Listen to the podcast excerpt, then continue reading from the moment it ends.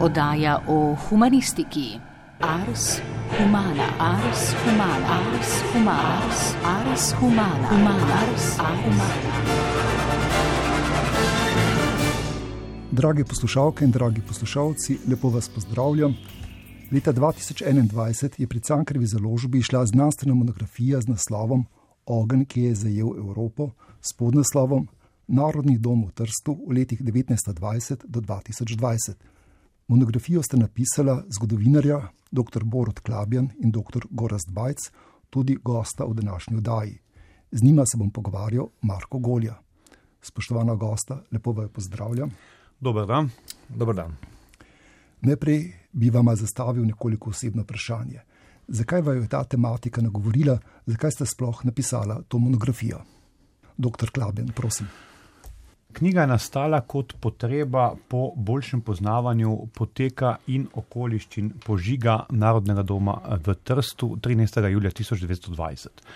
To je izhodiščna točka, ki uh, je nekako iz katere sva štartala. Če nekoliko bolj podrobno uh, opišem, kako so začela, je uh, za to zaslužen kolega uh, Bajc, ki me je nagovoril k uh, sodelovanju prav uh, leto pred stoto obletnico uh, požiga. Tako da sva se lotila konkretno uh, dela, kljub temu, da sva uh, gradivo o uh, narodnem domu in nasplošno o uh, primorski zgodovini, zgodovini Trsta in požiga narodnega doma dejansko uh, zbirala že celo desetletje, zelo verjetno. Uh, po raznih arhivih, po katerih sva hodila in eh, se potikala za razno razne raziskave. Sva hkrati zbirala tudi to eh, gradivo, ne vedoč eden za drugega, da so si na, eh, na jasnem. In tako potem dejansko v zadnjih 10-15 letih eh, dala nakup kar nekaj zajetnega, eh, nekih, eh, kar nekaj papirja. No.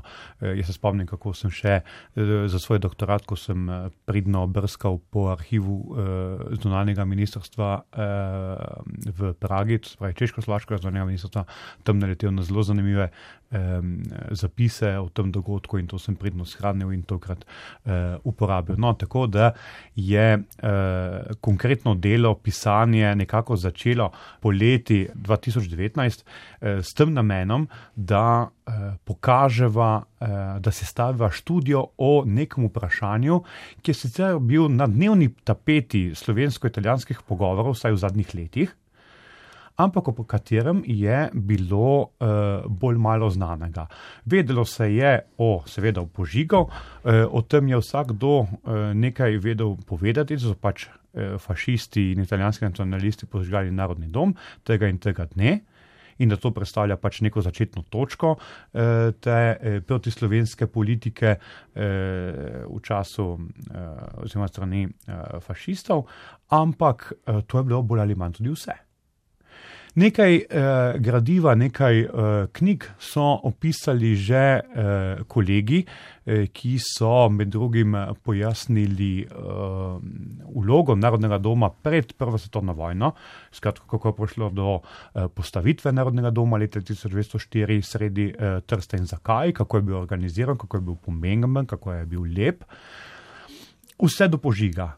E, drugi so analizirali pač njegovo estetiko, z arhitekturnega uh, pogleda, nekateri drugi pač življenje v njem in uh, kako je delovalo gledališče v Narodnem domu, ampak o samem požigu.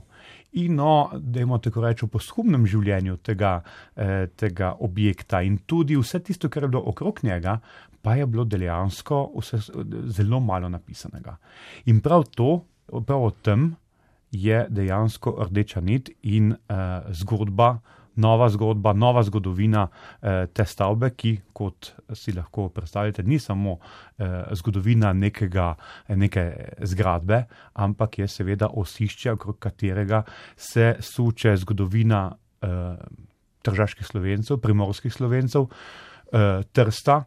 In slovencev nasploh, in ne na zadnje, dejansko, prek katere lahko beremo zgodovino Evrope v zadnjem stoletju. Kajti je to okolje primerljivo z širšim evropskim okoljem in prav to s kolegom Bajcem sva skušala tudi opisati v tej knjigi. Doktor Borod Klabjan, dali ste vrsto istočnic. Nisem pa pripričan, da ste odgovorili tudi na moje vprašanje. Aha. Namreč, zakaj vas je ta tematika nagovorila? Kaj ste dejali, ste, da ste deset let zbirali že dokumente, še pred uh mhm. -huh. pisanjem knjige? Uh mhm. -huh. Kaj je bilo v tej tematiki tako izzivalnega? Izzivalno je bilo to, da se še dan danes, to je zlasti v, eh, v Trstu, ampak morda tudi širše, pojavljajo teze, eh, da so si eh, narodni dom požgali slovenci sami. In uh, to je tista uh, mogoče uh, najbolj eklatantna uh, teza, ampak dejansko uh, potreba potem, da publika, da javnost izve eh, o nekem vprašanju, o katerem dejansko nismo vedeli, eh, v bistvu eh, skoraj da nič, razen teh, kot sem rekel, nekaj splošnih trditev, ki se konča po eh, dveh, treh stavkih. Tako da eh, kot zgodovinar tega prostora sem eh, čutil potrebo, eh, da to. Eh, vrzel, eh, zapolnil, hkrati pa, da odgovorimo, seveda, na nekatere, eh, da tako rečem, eh, lažne novice, ki so imele v javnosti žal uh, in jih še imajo zelo veliko prostora. Doktor Gorast Bajc, tudi vas bi vprašal, zakaj vas je ta tematika nagovorila, vznemirila? Maj podobno, kar je kolega Borut, s katerim sem pisal tole knjigo, kar je bila tudi zelo lepa izkušnja in tudi posebna. E, bližala se je ta stoletnica. Imeli smo nekaj podatkov o tem narodnem domu, pa vendar za določene vprašanja enih pravih poglobljenih raziskav pravzaprav ni bilo, kar lahko zgleda tudi čudno po svoje. No, eh, zadala sva si nalogo, da bi tukaj pripravila eno monografijo, ki bi bila dosti manjša v obsegu, kot je potem nastala, približno 150-180 strani nekaj fotografskega materijala. Eh, in sva tudi vprašala in tako dobila zelo dober odziv strani Cankareve založbe, da bi to, uh, ta projekt izdala, ker sva želela tudi imeti eno založbo, ki je vsedržavna, ki je najpomembnejša v Sloveniji. No, glede tega smo dobili tako zelo dober odziv, kar je tudi velika pohvala eh, gospodu Bojonu Šviglju in potem uredniku Aljoši Harlamovu. Eh, potem zadeva se je razširila v tem smislu, ker smo imeli veliko že zbranega gradiva, nekaj smo še dodatnega pridobila, v času COVID-a to je bilo tudi precej težje. In je zadeva narasla na več kot 450 eh, strani. Glavni motiv pa je tale. Eh, srečala sva se v življenju skoraj vsak dan s tole tematiko, s tem uh, spominom, ali pa ne spominom, pravzaprav na narodni dom v eni širši javnosti, razen v zadnjih letih. In tudi ta aspekt sva želela tukaj razširiti v monografiji, zakaj pravzaprav Narodni dom ni postal tisti simbol enega, ene slovenske prisotnosti na tem območju, zelo uspešne prisotnosti. E, ni en mit, razen v zadnjih letih se o tem govori. In tukaj sva zaradi tega e, periodizacijo tudi razširila. To ni samo to, kar je bilo pred eh, gradnjo, eh, po gradnji in tudi že prvi, prva nasprotovanje italijanskih nacionalistov v Trstu, potem tale požig. Kaj je bilo potem? Do danes. Pravzaprav nisva niti toliko računa, da bi prišla do besedno do včerajšnjega dne in knjiga sva zaključila z lanskim, oziroma predlanskim, se povečujem, julijem 2020, eh, ko je prišlo do tega znanega srečanja obeh predsednikov uh, kjer sta prisostvovala podpisu tega posebnega memoranduma ali protokola o vračanju uh, te stavbe slovenski narodni skupnosti v Trstu. Tu je zgodovina uh, politična, tu je zgodovina um, tudi diplomatska, pa tudi socialna zgodovina. Ekonomska, kolikor pa sva, pač tukaj sva, eh, nisva tukaj velika specialista za gospodarsko zgodovino, pa vendar nekatere številke dajemo tudi tukaj, glede recimo povzročene škode. Eh, Pa je tudi zgodovina eh, slovensko-italijanskih odnosov, ki je dosti širša od tega, kar si lahko pričakujemo. ali pa so si pričakovali. Prav zaradi tega je Cankar založba tukaj uh, takoj sprejela in razumela pomen te knjige. In tudi naklada je zelo visoka in tudi prodaja je v bistvu, kar nam pravijo, tudi zelo dobra. Če se vrnemo k tematiki knjige, moje naslednje vprašanje ste že nekoliko nakazali. Namreč po eni strani je zgodba Narodnega doma, zgodba slovencev v Trstu, okolici in tudi širše. Hkrati pa ta tematika ni imela toliko pozornosti, kot bi človek, bralec, bralka pričakoval. Imate mogoče, ni nujno, da psihoanalitsko, kakšno razlago, zakaj smo tako dolgo čakali na vajno knjigo? Jaz bi rekel, da v prvi vrsti, ker se je zgodilo, glede, glede nasilja, kar veliko na, na tem prostoru proti slovencem. Bil je požig narodnega doma, potem so bili požgani nekateri drugi narodni domovi, eh, prišlo je do fašizma, do vsega tega, kar pač poznamo, italijanizacije, pa druga svetovna vojna z uh, veliko krutostjo. Tako da Slovenci so imeli pred sabo kar veliko uh, odprtih ran. Obenem je treba reči, da so Slovenci na primorskem uh, nekako svoj simbolni kraj tudi pridobili leta 30 z Bazovico, ko je šlo do ustrelitve šterih antifašistov. In ta se je usedla kot najpomembnejši trenutek eh, in tudi je zelo pomemben. Tu pa si upam reči, da Bazovica je kot vas, je izven centra mesta in nekako, če tukaj si upam reči, italijanska stran je to nekako tudi dopustila, imajo tam njihov simbolni kraj spomina. Narodni, narodni dom, in to je ključno, je v centru mesta. Slovenci so v centru italijanissime eh, Trieste, ne, tega super italijanskega mesta, kot so na italijanski nacionalistični strani govorili, uspeli zgraditi avtonomno in otašno izjemno pomembno paljačo, ki je funkcionirala, ki je, imela marsikaj, eh, zelo moderna za tisti čas, tudi fizično je prekašala druge, druge stavbe, je bil simbol uspeha. In v centru mesta so morali slovenci biti odrinjeni. In tudi to je na nek način vplivalo. Koliko tukaj psihoanalitsko, kot ste rekli, bo težko tukaj ugotoviti. Vendar, po mojem mnenju, ta argument, da slovencem niso dopustili eh, tega centra imeti v centru samega tržaškega mesta, to je ena izmed ključnih zadev. In po mojem mnenju, verjetno tudi v tej luči bi bilo treba še marsikaj raziskati glede slovenske manjšine v Italiji.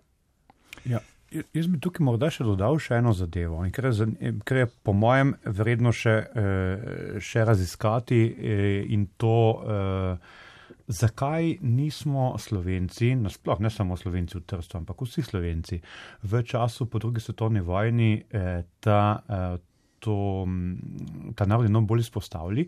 Je tukaj vprašanje po mojem, ker je bil sicer slogan, recimo Trst je naš, ampak to je bil samo slogan.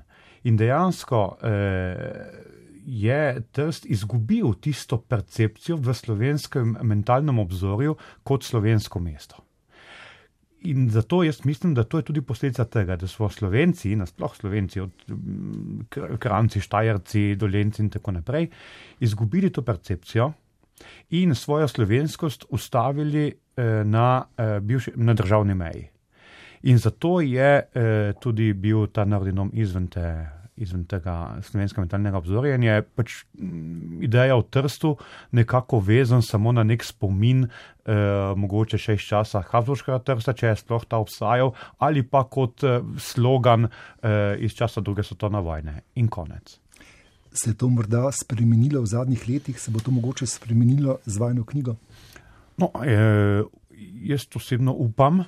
Am, mi, eh, ampak si upam tudi trditi, da to eh, mi dva sva svojo nalogo naredila in skušava še delati s tem, da se pojavljava v eh, radijskih vdajah. Na in, programu Ars. Na programu Ars, seveda. In eh, drugot, eh, mislim, da to je bo veliko odvisno od eh, državne politike in medijev.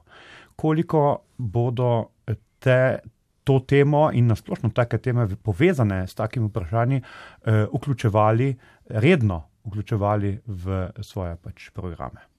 Hvala za to sugestijo. Vrnimo se nekako na začetek zgodbe. Kako je rojakom, rojakinjam v Trstu uspelo zgraditi narodni dom?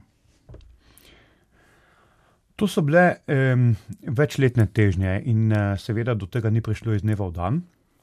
Dejansko je bila uh, prvič potreba potem, da so se uh, Slovenci na Tržaškem, ki so se oblikovali kot narod, uh, dejansko postajali vse močnejši kot mestna skupnost. In glavna eh, slovanska mestna skupnost, če tako rečemo, eh, na uh, gospodarskem, na kulturnem področju, so od druge polovice 19. stoletja dalje se dejansko oblikovali in postali vedno bolj samozavestni. Manjkal je politični del, ki je bil trdno v rokah italijanskih uh, nacionalistov. To je uh, Dunaj dopuščal, se s tem ni ukvarjal, zato ker je uh, v Trstu potreboval trdno gospodarsko uh, postojanko. Eh, in dejansko to tudi imel.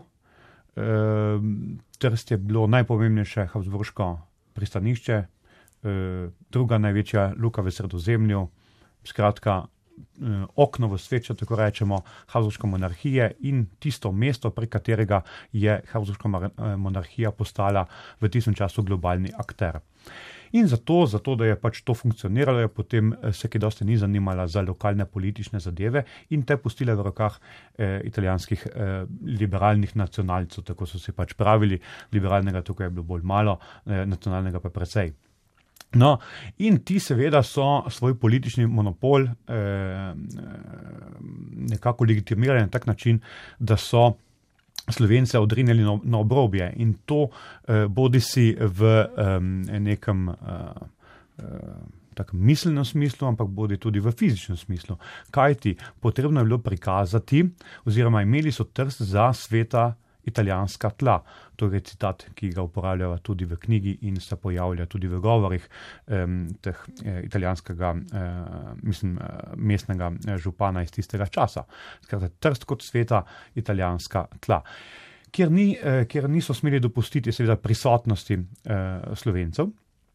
In eh, slovenci pa so želeli, kot sem rekel prej, um, poudariti to svojo eh, prisotnost in tudi fizično eh, pokazati. No, in naravno je materializacija v prostoru te eh, prisotnosti, ki ni eh, želela biti več samo eh, slovenci kot eh, nosači, kot delavci, kot perice, ki so služili italijanski mestni gospodi, ampak se je tukaj želelo dejansko pokazati to spremembo, da smo slovenci tudi mi v mestu gospode, ker so dejansko bili. Če pomislimo samo na palačo Kalistar, Kalistar to je bil verjetno najbogatejši slovenec in to ni bil nekje v Kranju, Celju ali pa v Ljubljani, ampak bil v Trstu.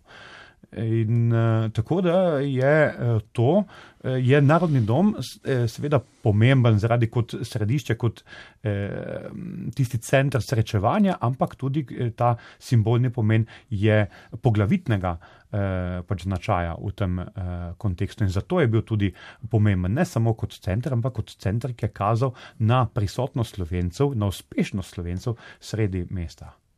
Doktor Bajc, če želite še kaj dodati, kaj pomeni narodni dom slovenskih skupnosti v tistih letih? Ja, narodni dom je pomenil, mm, da se pokaže tudi na, na zven, kako pomembni in, in tudi bogati, kako so. E, tu je treba reči, da so imeli tudi svoje banke, mm, tudi tale e, lastnica. Narodnega doma je bila Tržaška poslovnica in hranilnica, uh mhm. -huh. in ni bila niti največja banka je bila recimo največja banka, Jadranska banka, ki pa tudi povezana z drugimi poznejšimi jugoslovanskimi recimo, eh, narodi. Eh, Narodni dom je vseboval eh, kot stavba, zelo konkretno, tudi prekrasno gledališče z streho, ki je bila premična.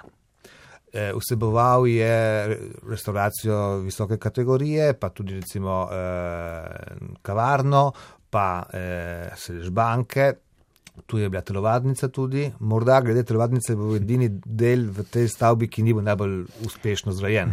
Zaradi prezračevanja. Ja, točno tako. E, potem tukaj bila, eh, je bil še hotel e, po imenu Balkan, zdaj tega tudi v italijanskih krogih se je uveljavilo, da je to vse skupaj samo hotel Balkan ali pa Balkan. Potem so bila tudi e, uradi nekaterih odvetnikov, nekaterih društv, pa tudi nekaj e, zasebnih stanovanj Stavba je bila tudi takšna, da se je avtofinancirala. Stavba je bila tudi takšna, lahko bo zelo malenko, sem imela tudi svoj agregat, da bi eventualno, če bi eh, tržaške občinske oblasti eh, prekinili te, eh, električni tok, bi imela za nekaj časa svojo avtonomno energijo, ki bi proizvajala elektriko. Stavba je bila in potem to smo ugotovili po teh papirjih, kar se je zgodilo tudi po požigu, da stavba je imela tudi še eno funkcijo izjemno pomembno. Po koncu prve vojne je potekala iz Trsta preko mm, v srednjo in eh, jugovzhodno Evropo samo ena telegrafska in, tele, in telefonska linija, ki je bila vezana na narodni dom. Ker ko pride do požiga, se ta linija tukaj tudi prekine. Imeli so jo med oklepaji eh, v uporabo, so imeli američani. Očitno že tedaj so, je dolar imel svojo, svojo težo. Hoče reči, narodni dom je bilo res nekaj izjemnega.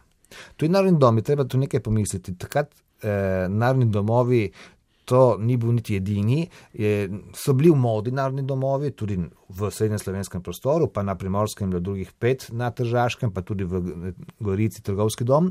So imeli eno funkcijo, da so združevali eh, marsikaj, eh, kar je dan danes recimo morda mm, manj prisotno, oziroma nima več ta, tašne funkcije.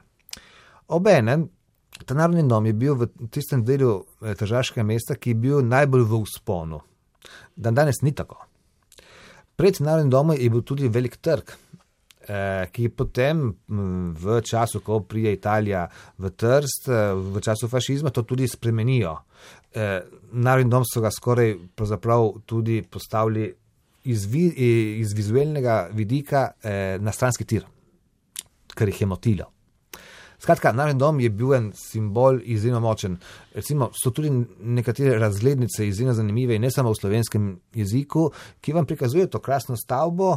Eh, Fabijanjevo. Ne? eh, ja, Max Fabian je bil, je bil arhitekt, ki res, res izstopa tudi po vizualnem. Uh, dvigalo imelo, recimo, naprimer, v, v tistem času ni bilo vsako, vsaka stavba eh, pač dvigalo. Skratka, je bilo res nekaj posebnega in trn v peti za it, italijanske nacionaliste, ker marsikatera manifestacija se je začela pri Narodnem domu ali pa se tam zaključila. -hmm. Tako da 13. julija 1920 ni to ena eh, epizoda, ko prije do recimo enega eh, izbruha jeze ali pa nacionalizma, se je prej pripravljajo marsikaj. Prav to me zanima, kako je italijanska mestna oblast sprejela narodni dom. Zelo negativno. Um, napadli so celo uh, tistega lastnika parcele, ki je prodal uh, slovencem uh, pač prostor sredi mesta in uh, tako imenovano novo mesto, tisti, tisti del v tistem času. Uh, in uh, seveda si niso pričakovali, da bodo Slovenci uspeli, ker to je bilo zajeten finančni zalogaj. Mestna oblast ni verjela, da so Slovenci sposobni česa takega. Ko jim je to uspelo, pa so želeli uh, narodni dom uh, najprej preprečiti in na to skriti. Ker uh, preprečiti jim ni uspelo, kajti Slovenci uh, in to lastnica, pač društvo Narodni dom, je stavbo zgradilo v razmeroma kratkem času, v pičlih skoraj treh letih, dveh letih, dve to je bila tudi zanimivo, največja, um, držaško, največje državsko gradbeno podjetje, to je bilo podjetje Martelance z Barkovel. Uh, ki je danes popolnoma neznano, ampak bi verjetno zahtevalo in bi si zaslužilo eno uh, detaljno uh, študijo, ker pač je zgradilo trst, med drugimi, ena izmed tistih najpomembnejših pač, uh, podjetij, no, ampak um, niso uspeli tega preprečiti, potem so ga želeli skriti. Želeli so. Um, In to je zanimivo branje prostora tudi eh, v tem eh, smislu. Meni je bil ta del eh, fascinanten in verjetno bi se tukaj dalo še marsikaj napisati, ampak že te, že te prvi indici, ki jih navajava v knjigi, sem, so meni eh, fascinantni. Recimo, kako so sosednje stavbe gradili, recimo ti eh, bogati italijanski nacionalisti z, eh, s to simboliko, da odgovarjajo narodnemu domu, da so postavili eh, eh, rjovečega eh, beneškega leva, ki je bil takrat takrat kot simbol eh, um, italijanskih redentistov, kot eh, pokazatelj veličine eh, Beneške, eh, Beneške republike, ki je eh, predstavlja v tem eh, italijanskem nacionalističnem imaginariju eh, tisto, eh, tisti most, ki je spajal veličino starorimskega imperija in bodočnost velike nove italijanske države, ki se bo ponovno, kot je to bil rimski imperij, širil v jadranski in širši mediteranski prostor. No, in tako da je, če res danes v Trst, na sosednji stavbi še vedno stoji eh, grozeči beneški, beneški lev, ki gleda v smer eh, narodnega eh, doma. Poleg tega so že leta 1907, ne spomnim, da je bil, um, da je bil um, narodni dom uh, končan leta 1904. Eh, preimenovali ulico, ki je bila pred Narodnim eh, domom, ki je potem prišla do Narodnega doma, in jo poimenovali, glede zlomka, zlomka po eh, Kardučiju, sicer velikem, velikem eh, litera, italijanskem literatu, ki pa je bil eden izmed herojev italijanskega risorgimenta in kasneje pač eden izmed pokazateljev tega italijanskega nacionalizma. In ki je pisal odo um, um, um, Guglielmo Oberdanu, enemu izmed herojev italijanskega irredentizma. In skratka, tisto ulico, ki je še danes poimenovana po Kardučju, seveda postavili pred eh, Narodni dom. In ker ga niso uspeli, eh, seveda, preprečiti, so ga želeli skriti s tem, da so eh, že od samega začetka, že takoj po eh, zgraditvi Narodnega doma, postaviti stavbo pred Narodni dom.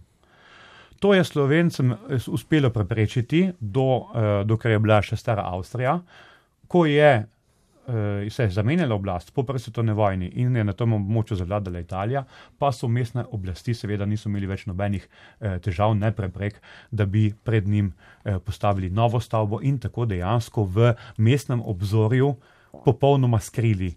Narodni dom in še danes pred njim stoji palača Arigoni oziroma palača Sajma, kot se imenuje, glede na podjetje, ki so potem pač to, to stavbo pač naselila. No zdaj sta predstavila zgodovinski kontekst. Kaj se je dogajalo tistega usodnega dne, 13. julija 1920? Treba je samo skočiti, samo malo nazaj, če gremo kronološko. Uh, na splošno kontekst je, da Italija in Jugoslavija se nista uspeli domeniti glede meje. In tu je bilo napetosti zelo veliko. Napetosti je tisto poletje rasla in 11. julija 1920 pride do incidenta v Splitu. Split ni bil obljubljen Italiji med prstno vojno strani zaveznikov, ta londonski pakt ali pa memorandum, kot je pravilno reči. Uh, Split naj bi pripadal uh, novi jugoslovanski državi, pa vendar je Italija tam tudi imela svoj pritisk in ga tudi izvajala. In pride do tega incidenta. Dva mornarja italijanska tudi umreta. Umre tudi en domačin, Hrvat, o katerem pa nismo nikoli govorili, v knjigi smo tudi piše, smo dobili tudi njegovo ime. E, In ta incident je potem kot novica eh, padla v trst eh, kot ena bomba. In tu so tistega dne, 13. julija, pripravili eno manj veliko manifestacijo ob 18. juliju na največjem trgu v trstu. Uradno so to manifestacijo oblasti prepovedale, vendar so jo potem tudi eh, faktično dovolile. Ob 18. juliju je tam velika manifestacija, ki jo vodijo fašisti pride do enega incidenta ali pa provokacije, enega zabodijo, enega pač mladega. Mm, eh, kroži hitro glas, da to so bili slovani, kot so pravili na splošno bana, eh, banalizirano slovencem. E, in eh, pohod gremo na narodni dom ne? in tam se že vidi, da je zadeva bila prej organizirana, ker se niso. Mm, mm, se ni razpršila množica, so šli eh, v bistvu v treh smereh. Vmes pa ti je ena skupina tudi napade eh, eno izmed predstavništv jugoslovanske države. Eh, in potem pridejo pred ta narodni dom, kjer hm, potem pride do tega požiga. Kako pride do tega požiga? Pred narodnim domom je bilo naročeno strani oblasti, da mora biti zelo veliko eh, predstavnikov varnosti, eh, govorimo o, o policajih, o vojakih, eh, skratka, eh, približno 500 teh, ki naj bi stražili narodni dom. To je bilo že od jutra, eh, so bile ta navodila. In ti na mesto, da bi te ustavili, so v določenem trenutku tudi obrnili puške proti narodno, narodnemu domu in začeli streljati. Zakaj? Ker naj bilo nekaj streljanja z narodnega doma proti manifestantom.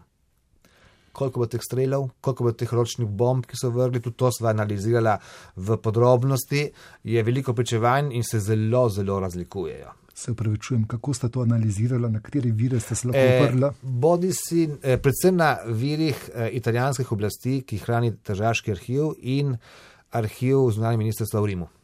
Eh, zelo podrobno, to je mm, eh, kar nekaj, mora 1500-2000 dokumentov o tem, samo, samo o tem. No, in tukaj eh, govorili so, da to je provokacija strani teh jugoslovanov. Eh, večkrat so govorili, da v tem narodnem domu naj bi eh, tudi hranili skrito orožje in drugi material proti Italiji, čez da se kuje ena velikanska zarota, kar je bilo seveda pretirano. In eh, tukaj ti vojaki, namesto da bi stražili, v bistvu odprejo pot v dom, udre približno 50 fašistov, približno ne več, in eh, ga zažgejo. Tukaj tudi dve varianti. Eni pravijo, da tukaj so imeli provokatorja, ki je noter prinesel tudi nekaj benzina, drugi pravijo, da so sami slovani noter v tem hotelu imeli, prav, prav v hotelu imeli benzin, kar je zelo težko verjeti. Skratka, prije do tega požiga, ni pa edino nasilje tistega.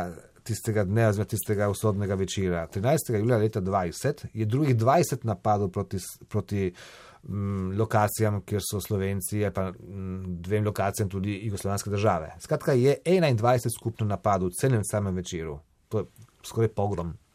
In to ni še vse. Naslednji dan, 14. julija, v Pulju, narodni dom ga tudi zažgejo in dinamika je zelo podobna. Češ naj bi streljali, vojaki tega, te stavbe ne branijo in fašisti vstopijo notor in se žgejo. Potem je še nasilje na reki, v Zadru. To je nekaj dni, je načr, vidimo, da, da to je v bistvu načrtno. Iz, iz česa lahko rečemo, da je bilo tukaj načrtno? Ker po požigu oblasti si zelo prizadevajo, da bi prikazali, češ da je bilo ravno obratno. Glavna rdeča nit je, da tukaj so bile provokacije Jugoslovanov, pa recimo Slovencev, in da se je zgodil eh, en upor ljudi. In upora ljudi, masa, ne moreš tega ustaviti, in zato je pač prišlo do tudi nasilja. Glavni eh, pa glavni odgovorni so provokatorji. Če malo zadeve analiziramo tudi z epistemološkega vidika, prav te njihovo pisanje, vidiš, da so eh, besede dodajali, odzemali. Nekateri so pisali malo bolj, bomo rekli, ob, obje, objektivne, potem njihova poročila v bistvu jih niso upoštevali. In smo tudi z Borotom upoštevali recimo eh, mnenja eh, predstavnikov tujih vlad, se pravi konzulov, ki jih je bilo veliko v Trstu. In oni so se postavili bolj na stran Jugoslavije, so rekli, da to, jasno, da to je bil en velik nasilni moment proti Jugoslovanom. Skratka, tale požig ni tako enostaven, je pa nekaj. Tud, ker ni bilo nobenega sodnega procesa proti tem, ki so bili odgovorni za ta nasilja, je jasno, da tukaj oblasti hočejo zadeve eh, pospraviti pod preprogo. Ključno vprašanje je, zakaj je bilo funkcionalno to nasilje, da je nastala eh, veliko napetosti med Beogradom in Rimom, ker so pripravili tole razmejitev in je v bistvu eh, nacionalistični krogi so tukaj želeli, da bi Italija dobila več. Ker govorijo se, da bo prišlo do nekega kompromisa. Skratka, so želeli tudi reko, so želeli tudi druge dele potem dol v Dalmaciji. In tukaj je v bistvu Beograd, lahko rečem, da po dokumentih tudi pade v to zanko. Zakaj? Ker Beograd takoj protestira glede vseh teh nasilij, vendar potem se omeji samo na nasilje proti tema dvema, dvema eh, lokacijama eh, predstavništva Jugoslavijske države v Trstu in ne glede narodnega doma. Narodni dom že tedaj, kot da pade v, v eno, kot v drugo kategorijo, pa celo tretjo kategorijo. Rim, Beograd se potem, recimo, diplomatsko kolegata glede Splita 11. julija in glede teh dveh lokacij, v bistvu formalnih zadev. Nič več, kot da se to ni, ni zgodilo. Pozneje šele jugoslovanska stran želi, da bi prišlo tukaj do mednarodne preiskave v Trstu in uh, tudi pritiska recimo na Pariz, vendar Pariz, London, velike prestolnice, tukaj realpolitik želijo, da Italija in Jugoslavija prijeta do razmejitve in potem prijeto do Rapalja. In narodni dom že tedaj do, doživi eno čudno usodo. V bistvu je kot da bi bil bojkotiran. Ni ni postavljen kot tisti simbol, gledajte, kako ste nas v bistvu tudi nasilno eh, oškodovali. Ker tukaj je velika škoda tudi finančne narave, to lahko tolmače pozneje. Skratka, ta narodni dom že takoj doživi strani tedaj Ju, Jugoslavije en nesorazmerni, recimo, odziv, postavljen je prav v drugo plan, v, ni, ni prioriteta. Ampak v vaši knjigi sem našel tudi podatek, da so bile 15. julija, torej dva dni po požigu, velike demonstracije, naprimer v Mariboru. Bile so v Mariboru, kot so tudi na, eh, dan, dan prej v Ljubljani. V Mariboru se govori po časopisnih poročanjih 10 do 12 tisoč. Koliko je bilo ljudi takrat v Mariboru? Približno. Ja, eh, štirikrat več, recimo, eh, od tega. Vsak četrti je prišel na. Ja, zdaj. Poročen časopis, treba vedno imeti zelo zelo rezervo, če pa piše 10-12 tisoč, tu če je bilo samo 6-7 tisoč, je vedno visoko, visoko številka bili so, kot rečeno, tudi v Ljubljani in na nekaterih drugih mestih po Jugoslaviji. Vendar tudi tedaj je jugoslovanska diplomacija naročila naj se eh, prepovejo manifestacije. Tudi to je zanimivo. Eh, Beograd ne želi tukaj eh, višati temperature, eh, gasi zadevo. So pa, pa drugi podatki, ki kažejo, da potem obe eh, strani, Italija in Jugoslavija, na mejo, ki je bila dolga ta meja, mm, ali pa bolj rečeno demarkacijska črta, ni bilo še meje definirane, eh, postavijo vedno več vojakov. Tukaj se celo govori o, o enem vojaškem eh, dvoboju. Eh, tu je napetost na višku. In, Beograd tukaj želi mal pogasiti požar. Dejstvo pa je, da pri vsem tem, potem Slovenci v Trstu so ena žrtva in ostajajo tale žrtve, kot tudi Hrvati dol eh, po Istri. V osrednji Sloveniji je en emotivni eh, odziv eh, in skoraj ne morem verjeti, da je do nekaj takega celo prišlo. Uh, tudi ko smo analizirali, recimo, tisk v Ameriki, v ZDA, tudi tam na začetku so rekli, da je ne mogoče, nekaj takšnega se ne bi nikoli upali. Pa vendar le potem vidijo, da je prišlo na dan to in še marsikaj drugega. Tu bi samo še eno stvar dodal. Odzivi potem eh, slovenskih časopisov nam prikažejo med drugim eno zadevo, ki bi jo bilo treba sedaj zelo m, mm, tudi upoštevati, glede naslednjih eh, nasilij v tem nasilnem stoletju med, med Italijo in Jugoslavijo. Že tedaj govorijo, da sedaj smo slovenci šipki, kaj se bo zgodilo, ko bomo močni in se bomo maščevali. To je sinteza. Že govorite, da je, bom rekel, za maček tako po domače, o fojbah, tisti, ki pravijo, da tukaj ni bilo nekega nasilja leta 1945 po vojni zaradi prejšnjega nasilja, časopisi so že tedaj, tedaj tako pisali. Kaj pa slovenke in slovenci v narodnem domu? Ti ljudje, ki so bili takrat v času požiga v narodnem domu, pa seveda tudi tujci, kakšna je bila njihova usoda? Glejte, to je um, mogoče ena izmed um, meni, jaz bi rekel, enem lepših nekako novosti te knjige, prav to, da nisva pisala zgodovine samo eh, iz neke eh, politično-diplomatske perspektive, delno tudi vojaške, ampak tukaj je tudi ta metodološka obogatitev, ki je do zdaj eh, manjkala in dejansko tudi pogled tako imenovanega malega človeka. Eh, in eh, njegovega vsakdana. In v tem kontekstu se mi zdi, da smo tukaj uspeli zbrati vire, Eh, policijske vire ali pa diplomatske vire o, o vsem tem, kar je zdaj pravkar povedal uh, Gorast. Um, ampak tudi en cel kup drugih informacij, ki nam pokažejo uh, drugačno perspektivo.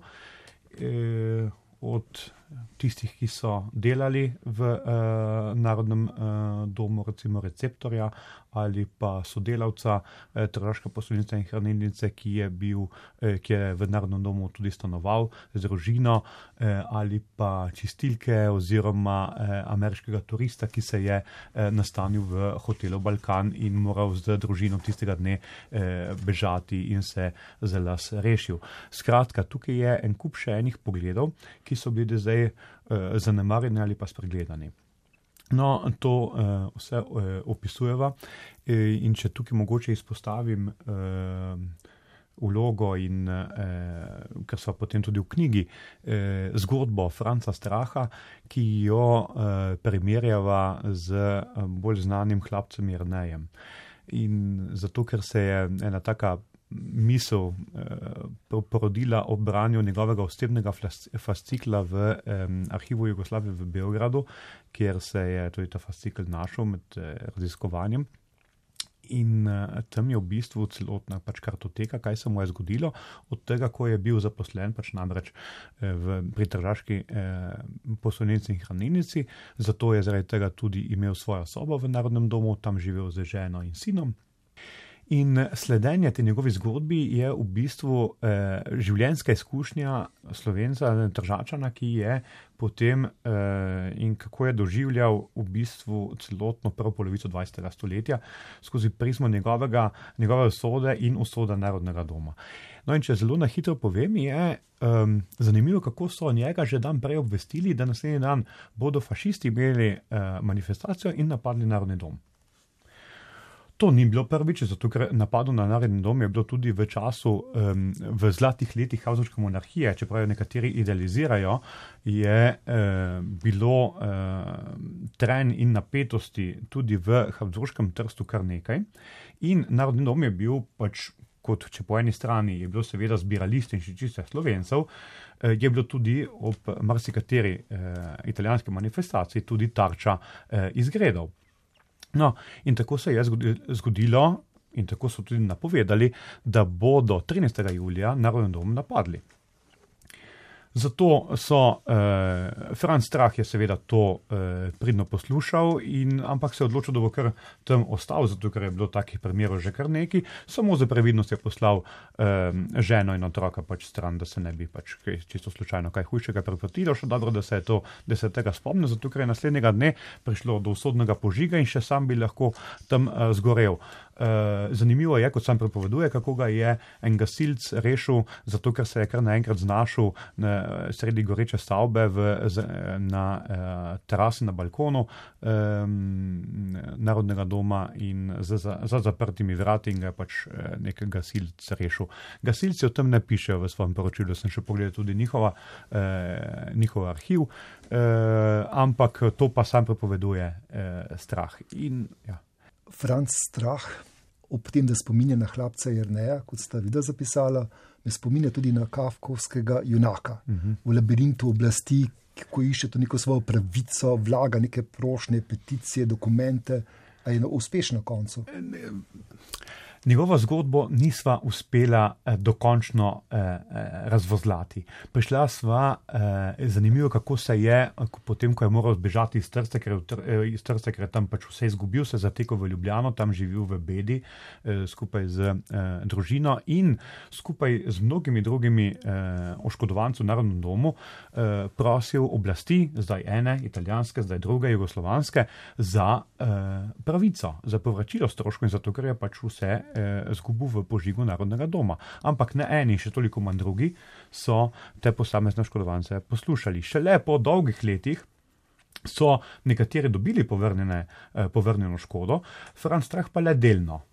In to še po 15 ali pa 17 letih, točno se ne spomnim, zdaj na pamet, leta 37, če se ne motim, je dobil povrnjeno eh, delno škodnino, ampak ko je ugotovil, da je on dobil le delno to škodino, se je potem seveda tožil od senata eh, v kraljevini Jugoslaviji do samega, do samega kralja, vse slovenske ministre je obšel in njihove pesarne, ampak vsaj do leta 1939, ko je zadnji dokument, ki sva ga eh, našla, ki ga poslal, eh, če se ne motim, prav na kraljevi dvor v eh, Beograd, iz tega eh, nisva našla, da bi to potem dobil kak, kakršen koli odgovor. Nič čudnega, ker so Eh, seveda poleti oziroma eh, jeseni leta 1939 eh, pisarne ministrstva in tudi jugoslovanski kralj imeli čisto drugo poglavi in seveda začetek druge svetovne vojne v Evropi. Zato dvomim, da je potem Franz Reich končno prišel do svoje pravice In uh, tako da je ta zgodba pa zelo zanimiva, ker kaže, kako je bila ta usoda teh posameznih oškodovancev in hkrati, kako so države ravnale z svojimi državljani. In tukaj se kaže ne samo odnos eh, do narodnega doma, ampak odnos eh, posameznika do države. In tukaj seveda lahko branje te zgodbe na, na, na večjih nivojih in ki gre preko samo tega narodnega doma. Vajna knjiga pripoveduje tudi o odnosu kraljevine Jugoslavije do teh ljudi. Ne? Seveda, tukaj je pač zanimiva ta, kako je ta marginalizacija tega vprašanja in nekako uporabe v sprotne politične namene kraljevine Jugoslavije. Teh, teh slovencev in hrvatov, ki so po, po prestanovanju ostali nekako na primorskem in izven uh, svojih meja. Ali pa tudi tisti, ki so znotraj lastnih meja kraljevine Jugoslavije, kako so primorce recimo uporabljali za pojugoslavanje eh, drugih okolij. Sicer o tem nisem nekako podrobno napisala, ampak je seveda tudi tukaj zelo zanimiva zgodba, kako so primorske slovence, zdaj držačane in druge uporabljali za to, da so naselili nekatere dele eh, Slovenije, ampak tudi drugot po Jugoslaviji, od Vojvodine do, do Kosova in Makedonije recimo. Pogovarjamo se med drugim o požigu Narodnega doma, ampak v vajni knjigi sem našel tudi podatek, da so požigali, sežigali knjige. To je en tak zanimiva epizoda, ki jo splošna publika, eh, ne samo slovenska, ampak splošno svetovna, povezuje z eh, požigom, eh, nacističnim požigom na Bebelsplacu, kako so nacisti metali spravne fakultete, judovske avtorje in jih potem sežgali tam na tistem trgu Bebelsplac sredi Berlina leta 1933. No, zanimivo je, kako so v Trstu nacionalisti plenili po slovenskih knjižnicah svoje eh, in eh, knjige eh, potem zmetali na kup in jih sredi mesta eh, sežgali. Tukaj niso izbirali med literaturo. Eh, dovolj je, da je bila knjiga slovenska in eh, to tam preredili eh, kres. Zakaj? V nekem smislu očiščenja eh, italijanske duše, trsta, ki je morala biti in kot tak samo in izključno italijanska. In katerakoli slovenskost je bilo pač potrebno uničiti, bodi si v materialnem smislu, bodi si v tem duhovnem smislu. In kako lepšega eh, kot to storiti z, s tem zasežigom knjige. In zanimivo je tudi epizoda ob napadu na eh, ne na osrednji narodni dom, ampak na svetojivanski narodni dom, to je za pač tistega, ki se na trsne spoznaje, to eh, rajon, ki je bil pač nekoč večinoma eh, slovenski, ker je bil tudi eden izmed prvih narodnih domov v, eh, na Tržaškem. Eh, ko so tistega eh, napadli, so knjiga naložili na kamion, jih odpeljali pred spomenikom skladatelju Giuseppu Verdiju.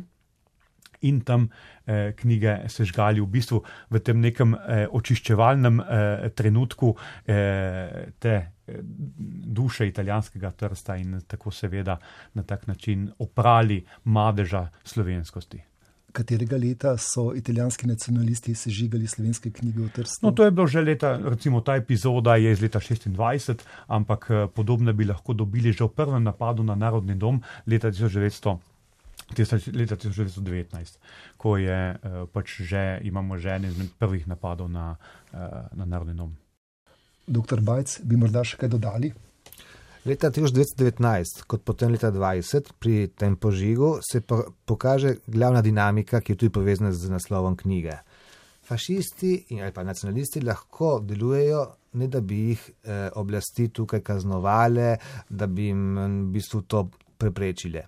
In kaj se tukaj zgodi? Tukaj se prične tisti ogen tega nacionalizma, ki potem se preusmeri v fašizem, potem pridobi oblast in zažge Evropo. Zaradi tega je tudi pisatelj Boris Pahor ob tej naši knjigi eh, kar nekajkrat eh, izjavil, da bi jo morali prebrati vsi evropejci. Doktor Klabjan, žal se naša današnja oddaja naglo bliža koncu. Za konec imam zelo široko temo vprašanje, namreč vprašanje odškodnin. Ja, tukaj se pokaže, kako je bil uh, narodni dom samo vrh uh, ledene gore. In če so po drugi svetovni vojni italijanske oblasti v neko delno eh, povračilo eh, pomagale slovencem eh, v Trstu zgraditi nov kulturni dom, je ta seveda previdno izven eh, centra mesta, kjer seveda ni bil, se ni smelo eh, tikati eh, svetih italijanskih tav, niti po drugi svetovni vojni tako da je ta uh, v delno uh, povračilo zgrajen kulturni, uh, kulturni dom. Ampak je seveda še en cel kup uh, povezanih uh, očkodnin, ki jih m, po mojem eh, vedenju ne Jugoslavija, ne potem samostojna Slovenija ni eh, odprla. In tukaj so eh, imovine posameznih, eh, posameznih institucij in posameznih slovencov, ki so jim jih italijanske oblasti dejansko razlastili imovino. Zdaj, eh, posamezne podatke boste seveda dobili eh, v knjigi, zato seveda vse poslušalce vabim, da si jo preberejo, ampak je midva z dr. Bajcem navajava eno tako eh, številko, ki zajema vsaj zaenkrat eh, nič manj kot 416 milijonov današnjih evrov. Je torej na potezi Republika Slovenija, zunanje ministrstvo? No, jaz mislim, da tukaj, če bi želel nekdo priti do tega do dna, bi se moral pač lepo v to poglobiti in sestaviti pač na tako poglobljeno študijo z zgodovinari, pravniki, ekonomisti, ki bi pač preučili ta, to vprašanje, ki, kar je meni znano, je danes neobstoječe. Dr. Gorast Bajc, pogovarjamo se 18. februarja v Kopru. Kakšen je položaj Narodnega doma v Trstu danes? Pred dvema letoma, 13. leta 2020, je prišlo do tega zgodovinskega srečanja Matarela Pahor, obeh predsednikov, ki sta prisostovali podpisu tega posebnega dokumenta, ko prije do vračanja, začetek vračanja eh, Narodnega doma slovenski narodni skupnosti v Italiji. V začetnem zakonu je bilo predvideno, da bo v uporabo eh, za manjšino. Pred, dvema letoma je novost, da bo do lastniki. To, seveda, sedaj so že nekateri koraki bili v zadnjih, letu in pol storjeni, to je zelo recimo, pozitivno. Dejstvo pa je, da recimo ocene so deset let bomo še nekako morali potrpeti, da, bomo, da se bomo slovenci notor uselili. Tu lahko zaključim s tem, da potrpljenje je bila recimo verjetno ena glavnih karakteristik slovenske manjšine v Italiji, glede tega, glede svojih pravic, eh, ki so bile zelo zakomplicirane. Sedaj je zakomplicirano še bolj, ker je ta narodni dom. Je pa dejstvo, da v pozitivnem smislu, da je en zelo močen signal, da, ve, da smo prišli do ene malo bolj normalizacije v tem našem mestu in tudi med obema narodoma. Dr. Gorast Bajc, dr. Borod Klabjan, hvala vama za vajno monografijo Ogen, ki je zel Evropo in hvala za pogovor. Hvala vam. Hvala vam. Dragi poslušalke in dragi poslušalci, hvala vam za vašo pozornost. Oddajo sva pripravila Daniel Matič in Marko Golja.